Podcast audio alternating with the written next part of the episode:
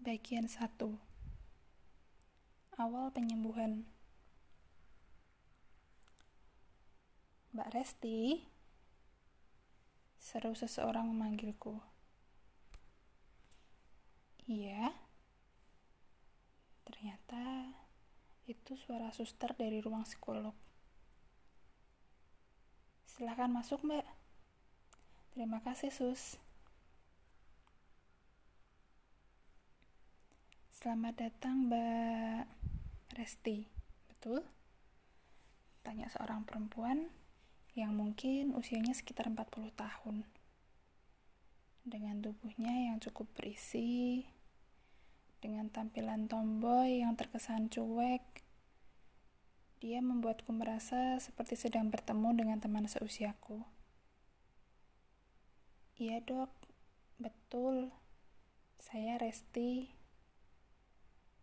Baik, Mbak Resti, silahkan duduk.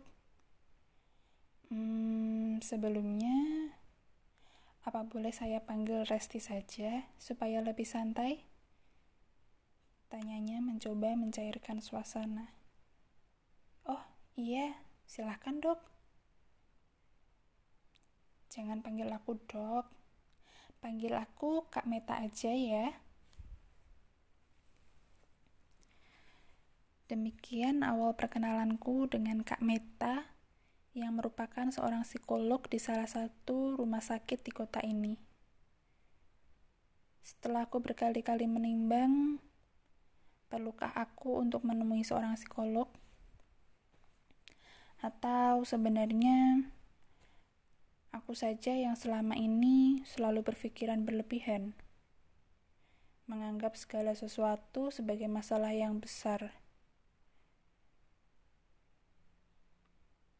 Bahkan setelah memasuki ruangan yang didesain nyaman dan sederhana, dengan hanya ada sofa panjang, meja kecil di sudut ruangan, serta kursi yang saat ini diduduki oleh Kak Meta di dekatku, aku jadi merasa semakin ragu. Untuk apa aku ke sini? Apa yang harus aku katakan?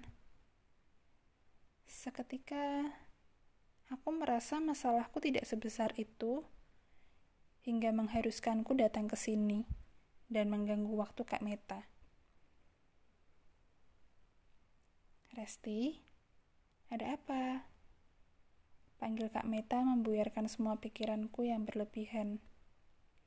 Ah, iya Kak. Hmm, aku bingung aku harus mulai dari mana ya? Tenang, Resti. Ucapnya sambil tersenyum yang memang cukup menenangkan untukku. Perlahan-lahan saja. Bagaimana jika dimulai dari apa yang sedang kamu rasakan saat ini?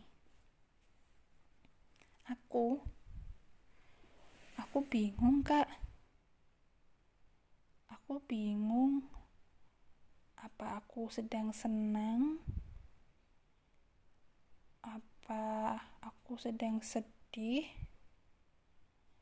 atau aku sedang kecewa atau apa ya? Baik gimana kalau kita mulai dari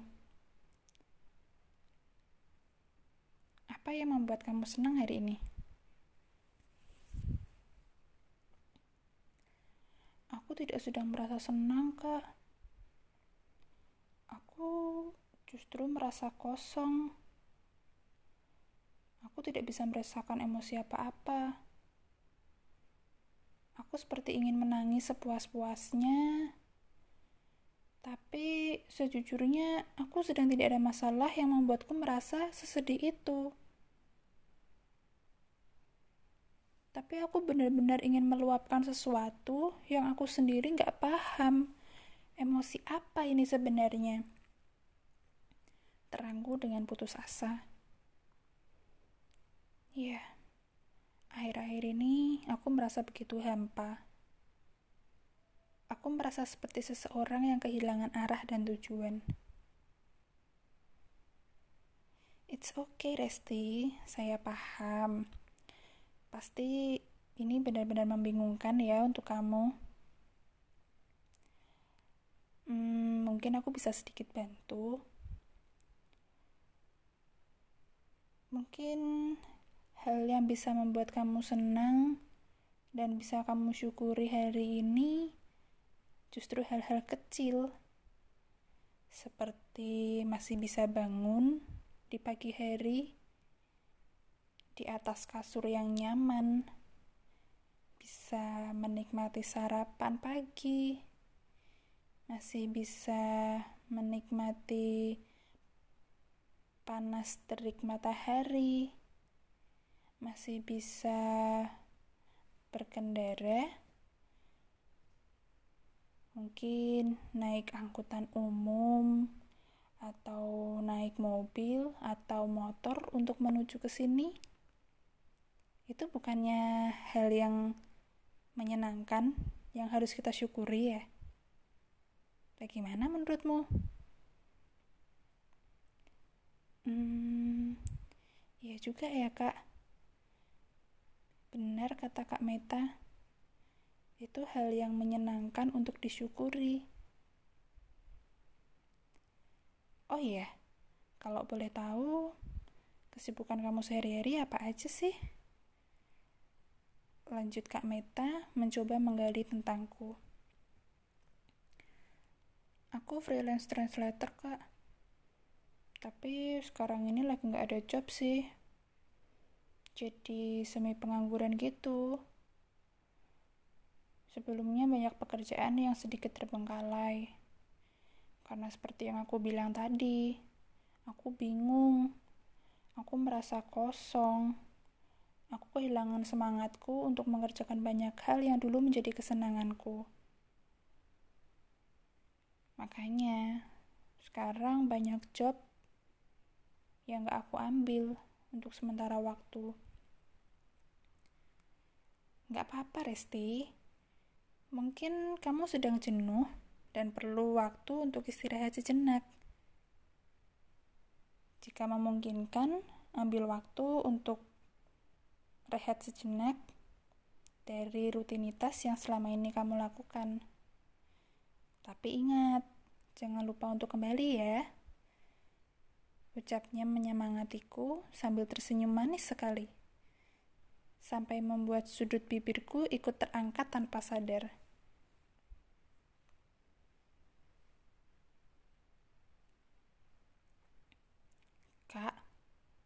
Apa yang akan kakak lakukan ketika kakak merasa kesepian, tapi kakak sadar selama ini kakak orang yang cukup tertutup.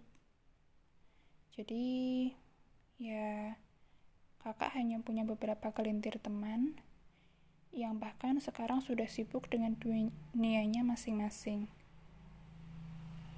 Tanyaku memancing ke arah permasalahanku yang beberapa waktu terakhir cukup menggangguku. Namun, di sisi lain juga terasa terlalu kekanak-kanakan untukku merasakan hal seperti ini. Aku, kalau aku sih, aku bakal nyobain ikut komunitas-komunitas gitu. Baik yang offline atau online. Sekarang kan banyak juga komunitas online. Jadi, kalau aku orang yang cukup tertutup dan sulit bergaul dengan orang lain, komunitas online jadi wadah yang cukup tepat buat aku mulai ngobrol atau sharing sama orang-orang baru. Jawab Kak Meta. Aku yakin dia paham maksud pertanyaanku tadi adalah tentang aku. Dan begitulah sesi konsultasiku hari ini. Kak Meta hanya membedah sedikit tentang apa yang kurasakan dan menanyakan kesibukanku akhir-akhir ini. Ternyata sesusah itu ya untuk mengungkapkan perasaan. Padahal begitu banyak cerita yang ingin aku bagikan. Aku merasa perlu mengeluarkan ini semua. Karena semua yang telah terpendam begitu lama, sewaktu-waktu dapat meledak dan mampu menghancurkanku dan orang-orang di sekelilingku. Aku hanya ingin menyembuhkannya. Seperti bekas luka yang sudah dirawat dengan baik dan telah mengering, mungkin lama-kelamaan akan sembuh total dengan sendirinya. Bahkan sebagian lainnya hilang tak berbekas. Namun, beda halnya dengan luka yang belum dibasuh dan dirawat sama sekali akan mudah tersenggol dan kembali terasa perih yang teramat sangat. Lagi, lagi, dan lagi. Maka, luka ini harus dirawat dengan sebaik-baiknya agar bisa mengering, lalu bekasnya lama-kelamaan bisa benar-benar sembuh.